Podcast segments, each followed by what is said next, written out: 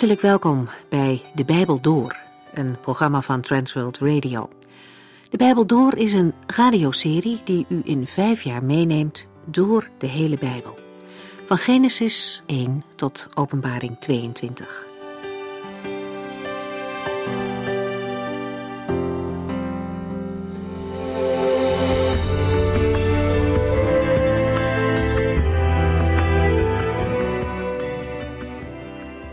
Het boek Handelingen, daar zijn we mee bezig in deze serie.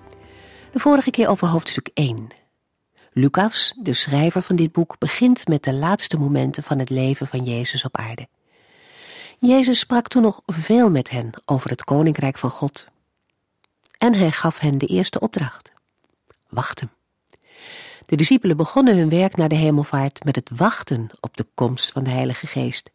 Ze moesten niet alvast uit eigen kracht aan het werk, maar eerst gedoopt worden met de Heilige Geest. Dat is geen doop met water, maar een gebeurtenis die mensen inlijft in het lichaam van Christus. Het is niet hetzelfde als vervuld zijn met de Heilige Geest. Dat is een terugkerende opdracht. Als dan de Heilige Geest gekomen was, moesten de discipelen erop uitgaan om dichtbij, maar ook tot in de verste uithoeken van de wereld, de waarheid over Jezus te vertellen. Ze krijgen geen antwoord op hun vraag wanneer de Heere op aarde koning zal worden. Maar ze kregen wel deze opdracht. En totdat de Heer terugkomt, geldt die opdracht voor al zijn volgelingen. Elk mens op een eigen plaats en een eigen manier, maar wel voor iedereen. Als de discipelen Jezus dan naar de hemel zien gaan en ze blijven kijken, komen er twee engelen. En zij brengen de boodschap dat Jezus ook op dezelfde manier zal terugkomen. In die verwachting moesten de discipelen verder leven en erop uittrekken. En in diezelfde verwachting, lieve mensen, mogen wij leven. Jezus komt terug zoals hij wegging. Er volgen dagen van wachten, lofprijzing en gebed. En dan staat Petrus op om te vertellen dat er iemand in de plaats van Judas moet komen. Het lot valt op Matthias. We lezen verder in hoofdstuk 2 van Handelingen.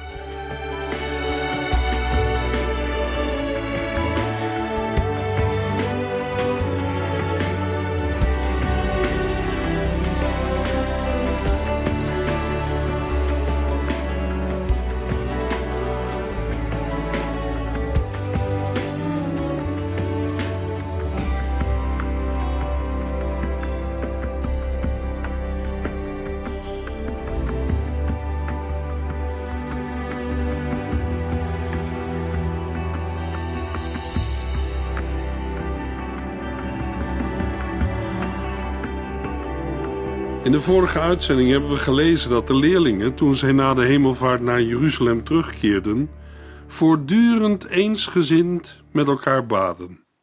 Handelingen 1, vers 12. Als Petrus een toespraak heeft gehouden, komt het tot de keuze van een twaalfde apostel in plaats van Judas Iscariot. Het lot viel op Matthias. Voortaan was hij een van de twaalf apostelen. Handelingen 1, vers 26. Hoe zal het nu verder gaan? Handelingen 2, vers 1. Op de Pinksterdag waren ze allemaal bij elkaar gekomen. Op de dag van het Pinksterfeest, rond het uur van het morgengebed, vers 15, waren alle volgelingen van Jezus bij elkaar gekomen. Waarschijnlijk in de tempel. Deze groep volgelingen bestond niet alleen uit de twaalf apostelen maar ook uit de broers van Jezus en de vrouwen uit Galilea, die ook in Handelingen 1, vers 4 worden genoemd. Zij bidden voortdurend en eensgezind om de vervulling met de Heilige Geest die Jezus hun had beloofd. De uitdrukking op de Pinksterdag is typisch voor Lucas en geeft aan dat de periode van wachten, die eindigt met de dag van Pinksteren, ten einde is. Het Nederlandse woord Pinksteren is een verbastering van een Grieks woord dat vijftigste dag betekent. Deze naam is ontleend aan de vijftig dagen die de Israëlieten moesten tellen na de dag waarop de eerste korenschoof van de nieuwe oogst als offergave aan de Here werd aangeboden. Handelingen 2 vers 2 Ineens kwam er uit de hemel een geluid alsof er een storm opstak het was in het hele huis te horen. De uitstorting van de Heilige Geest werd begeleid door een hoorbaar en zichtbaar teken van Gods heerlijkheid. Als eerste klonk vanuit de hemel een geluid als van een geweldige storm. Let wel, Lucas vermeldt alleen dat het geluid zo klonk, niet de aanwezigheid van wind. Overigens is stormwind wel een symbool van Gods heerlijkheid. Daarom past de vertaling een geluid als van een geweldige windvlaag ook goed. Het Griekse woord voor wind, waar ons woord pneuma vanaf is geleid, wordt in de Griekse vertaling van het Oude Testament gebruikt als een vertaling van het Hebreeuwse ruach, geest, adem, wind. Het geluid van een geweldige windvlaag past uitstekend bij de uitstorting van de Heilige Geest. Het geluid was in het hele huis te horen, waarbij de woordkeus van Lucas ons doet denken aan de openbaringen van de Heer in de tempel in het Oude Testament. 1 Koningen 8, 2 Kronieken 5 en Jesaja 6. Het is mogelijk dat met in het hele huis nog steeds de in Handelingen 1 vers 13 genoemde bovenverdieping is bedoeld. Maar de woordkeus van Lucas, het genoemde tijdstip tijdens het morgengebed en de aanwezigheid van veel mensen, vers 6 en 41, doen eerder aan een van de tempelvertrekken of zuilengangen denken. Volgens de Joodse geschiedschrijver Josephus werden deze ruimtes ook huis genoemd. Handelingen 2, vers 3. Zij zagen iets dat op tongen van vuur leek, vlammen die zich boven ieder van hen verspreiden. Naast een hoorbaar teken van Gods aanwezigheid verscheen er ook een zichtbaar teken, iets dat op tongen van vuur leek. Ze zagen vlammen, een lichtverschijnsel, vergelijkbaar met wat Mozes zag in Exodus 3, vers 2. We moeten bedenken dat de twee genoemde verschijnselen, geluid, tongen als van vuur, niet de Heilige Geest zelf zijn, maar tekenen van Gods heerlijkheid die de uitstorting van de Heilige Geest begeleiden. Toen Jezus vervuld werd met de Geest, was er een lichamelijke gedaante als van een duif waarneembaar en klonk er een stem uit de hemel. In Handelingen 4, vers 31 is er sprake van een soort aardbeving. Het gebouw waar ze bijeen waren begon te schudden. Maar op andere plaatsen in Handelingen ontbreken deze verschijnselen. Beide tekenen waren vermoedelijk van korte duur. Zij zagen iets dat op tongen van vuur leek, vlammen die zich boven ieder van hen verspreiden. Handelingen 2, vers 4. Ze werden allemaal vervuld van de Heilige Geest en begonnen in vreemde talen te spreken, woorden die de Heilige Geest hun ingaf. Op dat moment werden de discipelen vervuld van de Heilige Geest. En daarmee was de belofte van Jezus dat zij gedoopt zouden worden met de Heilige Geest in vervulling gegaan. Allemaal geeft aan dat niet alleen de twaalf apostelen, maar alle aanwezige volgelingen van de Heer Jezus, zowel mannen als vrouwen, de Heilige Geest ontvingen. Deze vervulling werd gevolgd door een blijvende inwoning van de Heilige Geest. De eerste uiting van deze inwoning van de Heilige Geest was het spreken in vreemde talen.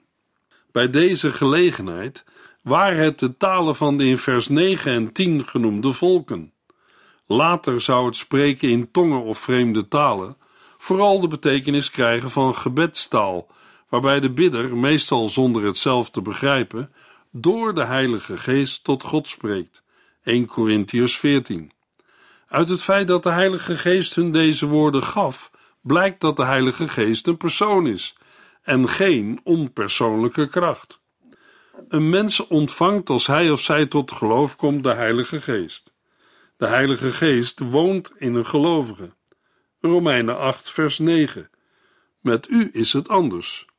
U doet niet meer uw eigen zin, maar laat u leiden door de Geest, tenminste, als de Geest van God in u woont.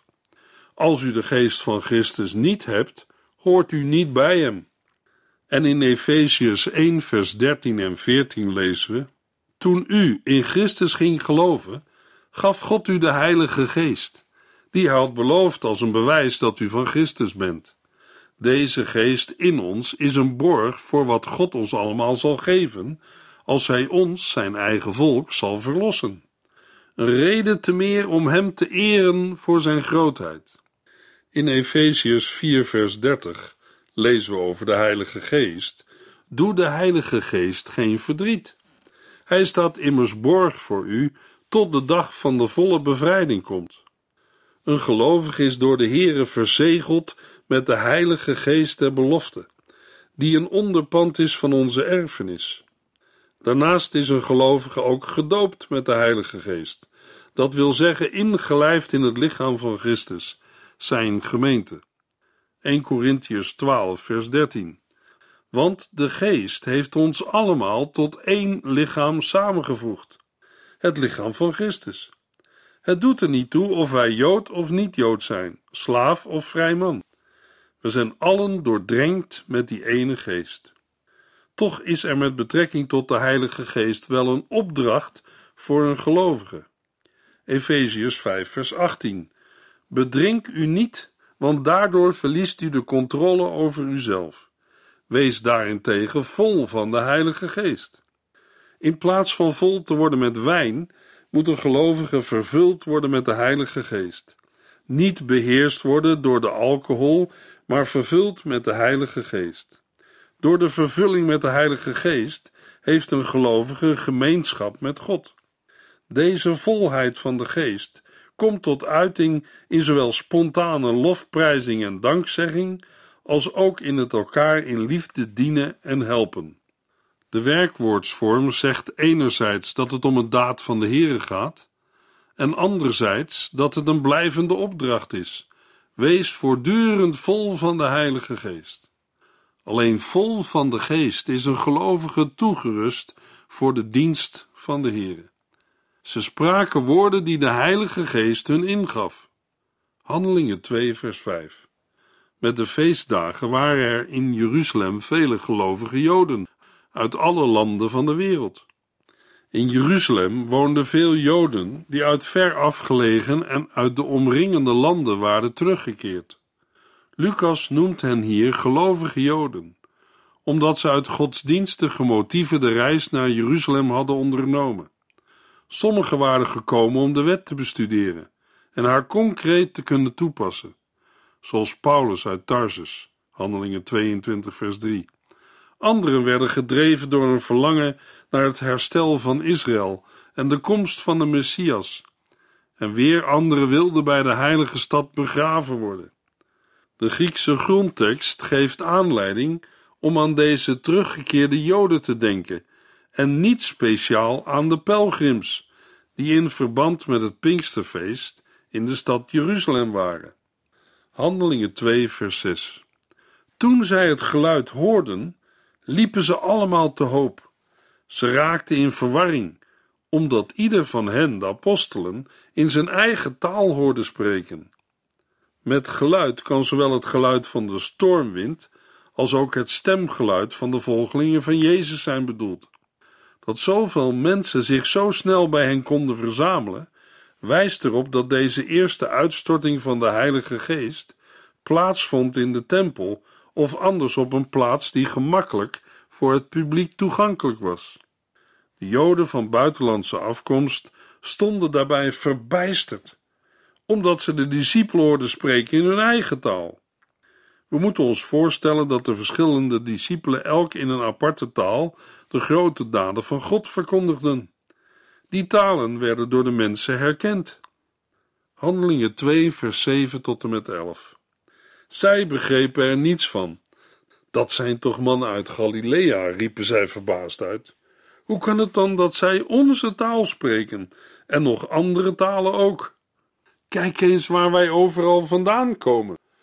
Uit Parthië, Medië, Elam en Mesopotamië, uit Judea, Cappadocië, Pontus, Azië, Frigië en Pamphylië, uit Egypte en de streek van Cyrene in Libië. Er zijn hier Joden en Joodse bekeerlingen uit Rome, Kreta en Arabië. Hoe bestaat het dat ieder van ons in zijn eigen taal hoort spreken over de geweldige dingen die God gedaan heeft? Deze buitenlandse Joden raken buiten zichzelf van verbazing.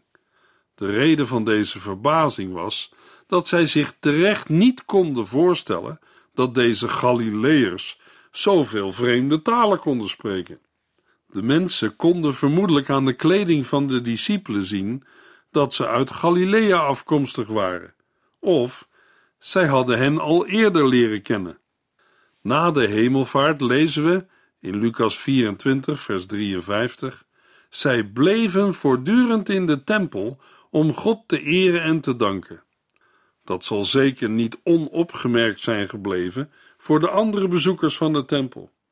In vers 11 wordt vastgesteld dat de discipelen werkelijk spraken in de talen van de streken waar buitenlandse Joden geboren waren. De betreffende landen worden in vers 9 tot en met 11 genoemd. De volgelingen van Jezus uit Galilea werden dan ook niet aan hun Galileese dialect herkend. Zij spraken andere talen, buitenlandse talen uit al de genoemde buitenlandse streken.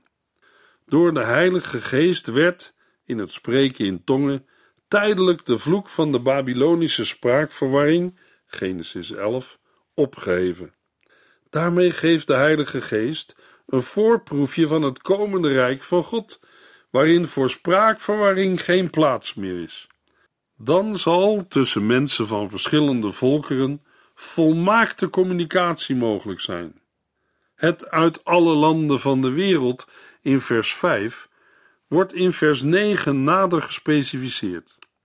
Lucas begint zijn lijst van volken en landen van oost naar west. Onder alle genoemde volken en in alle genoemde gebieden woonden Joodse minderheden. De Parten woonden net buiten de oostgrens van het Romeinse Rijk, in het noorden van het huidige Iran. De Meden en Elamieten woonden oostelijk van de Tigris in het huidige Irak. Beide namen dateren al uit de tijd van het Oude Testament, toen naar dit gebied ook een gedeelte van de tien stammen werd gedeporteerd. 2 Koningen 17. Vervolgens noemt Lucas de inwoners van Mesopotamië, het huidige Irak. Hier vestigden de Joden zich vooral tijdens de Babylonische ballingschap. Dan volgen de inwoners van Judea, van Cappadocië, Oost-Turkije, van Pontus, Noord-Turkije en Azië, West-Turkije. Frigië was gelegen in het binnenland van de provincie Azië. Hier lagen de beroemde steden Philadelphia, Laodicea en Colosse. Pamphylië omvatte een gedeelte van de kuststrook van Zuid-Turkije. Hier lag onder andere de stad Perge uit Handelingen 13. In Egypte woonden bijna een miljoen Joden, die voornamelijk in Alexandrië gevestigd waren. Nog verder westelijk lagen de streken van Libië bij Cyrene, waar een kwart van de bevolking uit Joden bestond. Deze Joden hadden in Jeruzalem zelfs een eigen synagoge. Handelingen 6, vers 9. Ook in Rome woonden duizenden Joden.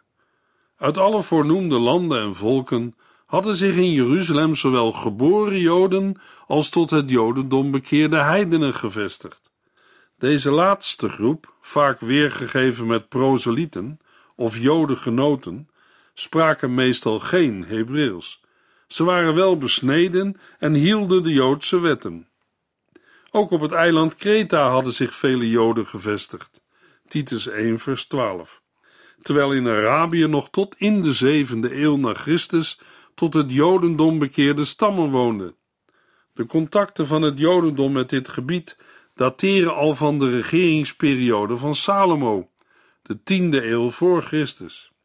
Al deze Joden en Jodengenoten hoorden de volgelingen van Jezus spreken over de geweldige dingen die God heeft gedaan. De uitdrukking over de geweldige dingen die God heeft gedaan kan het beste worden weergegeven met zij hoorden hen de Heere groot maken. Bij tongen of talen gaat het hier duidelijk om de talen die gesproken werden in de genoemde nabije en ver afgelegen streken en landen. Het geluid als van een stormwind en de tongen als van vuur waren kennelijk opgehouden, omdat de omstanders daar geen melding meer van maken. Hoe bestaat het dat ieder van ons in zijn eigen taal hoort spreken over de geweldige dingen die God gedaan heeft?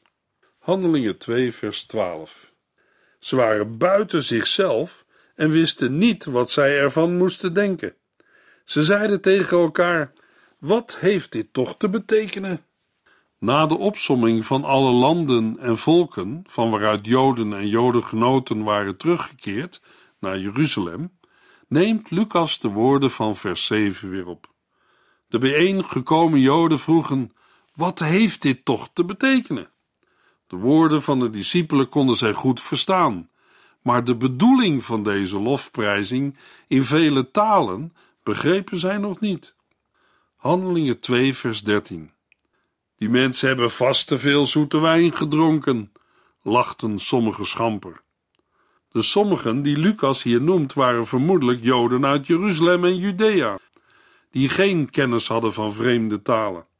Aan hen ging dan ook het talenwonder voorbij. Overigens, ook al zouden zij de woorden van de discipelen hebben herkend als vreemde talen, dan zouden toch velen van hen de goddelijke oorsprong van dit wonder hebben ontkend. Dat hadden zij namelijk ook bij de wonderen van de Heer Jezus gedaan. Lucas 11. Nu worden de volgelingen van de heiland beschuldigd van dronkenschap. Zoete wijn is vermoedelijk wijn die door middel van honing en specerijen langer houdbaar was gemaakt. Al eerder stonden we stil bij de boodschap van Efeziërs 5 vers 18. Paulus schrijft er: Bedrink u niet, want daardoor verliest u de controle over uzelf. Wees daarentegen vol van de Heilige Geest. Soms lijkt de man die dronken is sterker te zijn dan toen hij niet dronken was. In ieder geval denken ze vaak dat ze sterker zijn. Meestal praten ze ook aan één stuk door. Paulus zegt nu: Zoals een dronken man vol is van de zoete wijn, zo moet een kind van God vol zijn van de Heilige Geest. En de mensen in Jeruzalem? Nee, die trekken niet de conclusie dat de leerlingen van Jezus vol zijn van de Heilige Geest. Zij komen tot een andere conclusie. Schamper en lachend zeggen ze: die mensen hebben vast te veel zoete wijn gedronken. Pinksteren was en is een bijzondere gebeurtenis. Het was de dag dat de Heilige Geest de volgelingen van de Heer Jezus tevoorschijn riep om de gemeente, de kerk van Christus, te vormen. Daarom wordt Pinkster ook wel het geboortefeest van de kerk, van de gemeente van Christus genoemd. Net zoals in het Oude Testament het Pinksterfeest vijftig dagen na het feest van de eerstelingen kwam, zo kwam de uitstorting van de Heilige Geest vijftig dagen nadat de Heer Jezus uit de doden was opgestaan. Christus is opgewekt als eersteling van hen die ontslapen zijn. 1 Corinthiërs 15. Vijftig dagen daarna volgt het Pinksterfeest, het oogstfeest van de gemeente van Christus. Als de omstanders in handelingen het zien, maar niet begrijpen, zeggen ze schamper en lachend: Die mensen hebben te veel gedronken, ze zijn vol zoete wijn. Dan gaat Peter staan en zegt: Wij zijn helemaal niet dronken. De dag is nog maar net begonnen. Het is pas negen uur. Wat hier gebeurt is al lang geleden door de profeet Joël voorspeld. Prachtig dat uitgerekend Petrus nu gaat staan. We kennen hem en hebben al veel ups en downs met hem meegemaakt. Wat was het een bijzonder moment toen Petrus tegen de heiland zei, als antwoord op zijn vragen: Wie zeggen jullie dat ik ben? U bent de Christus, de zoon van de levende God. En toen op het meer, Petrus liep over het water, maar hij zakte ook zo weer weg. Zijn absolute dieptepunt moest hij meemaken op de binnenplaats van het huis van de hoge priester. Toen hij drie keer verklaarde: Ik ken hem niet. Toch kreeg hij van de heiland zijn plaats terug. En nu? Nu vliegt hij als het ware van zijn stoel omhoog en verklaart: Wat hier gebeurt is al lang geleden door de profeet Joël voorspeld. In het vervolg houdt Petrus een geweldige toespraak, waarin duidelijk te zien en te horen is dat hij vol is van de Heilige Geest. In de volgende uitzending gaan we dieper in op zijn toespraak.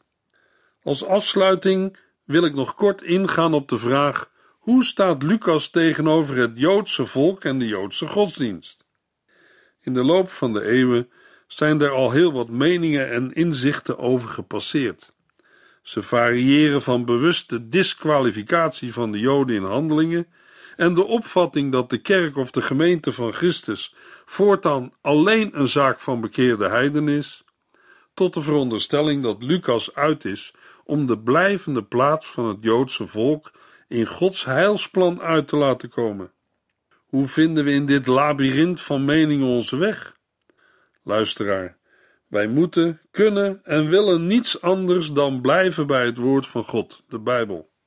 Tot aan het einde van de Bijbel blijft het aanbod van Gods genade ook voor de Joden gelden. Kijken we naar het Bijbelboek Handelingen, dan zien we dat Paulus tot in Rome toe zich steeds tot zijn Joodse volksgenoten richt. Dat gegeven staat zo nadrukkelijk centraal in Handelingen 28. Wat Lucas in Handelingen beschrijft, stemt overeen met het uitgangspunt van de apostel Paulus, zoals we dat lezen in Romeinen 1 vers 16. Ik schaam mij niet voor dit goede nieuws. Het is immers door de kracht van God het middel waardoor mensen die het geloven gered worden.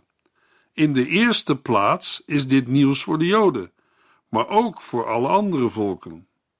De apostelen spreken de Joodse toehoorders opvallend vaak met Bijbelplaatsen uit het Oude Testament aan. Daaruit blijkt dat Joden en christenen zich baseren op dezelfde gezaghebbende boeken van het Oude Testament. Helaas aanvaarden de meeste Joden niet dat al in de boeken van het Oude Testament de opstanding van de Messias uit de dood is voorzegd.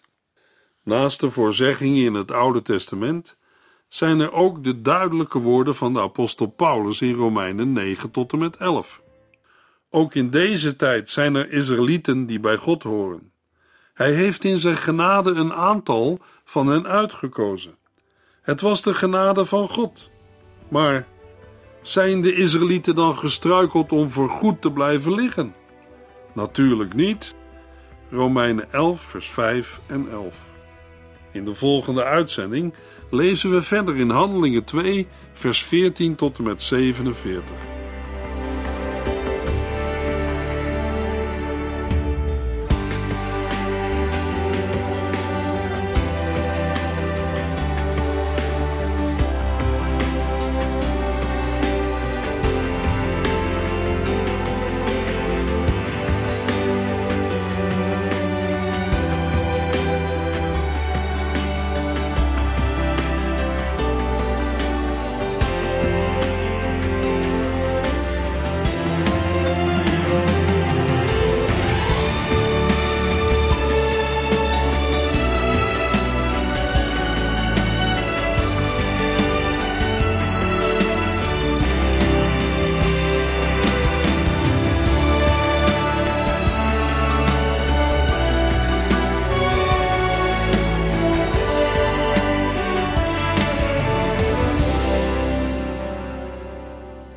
Geluisterd naar De Bijbel Door. In het Nederlands vertaald en bewerkt door Transworld Radio.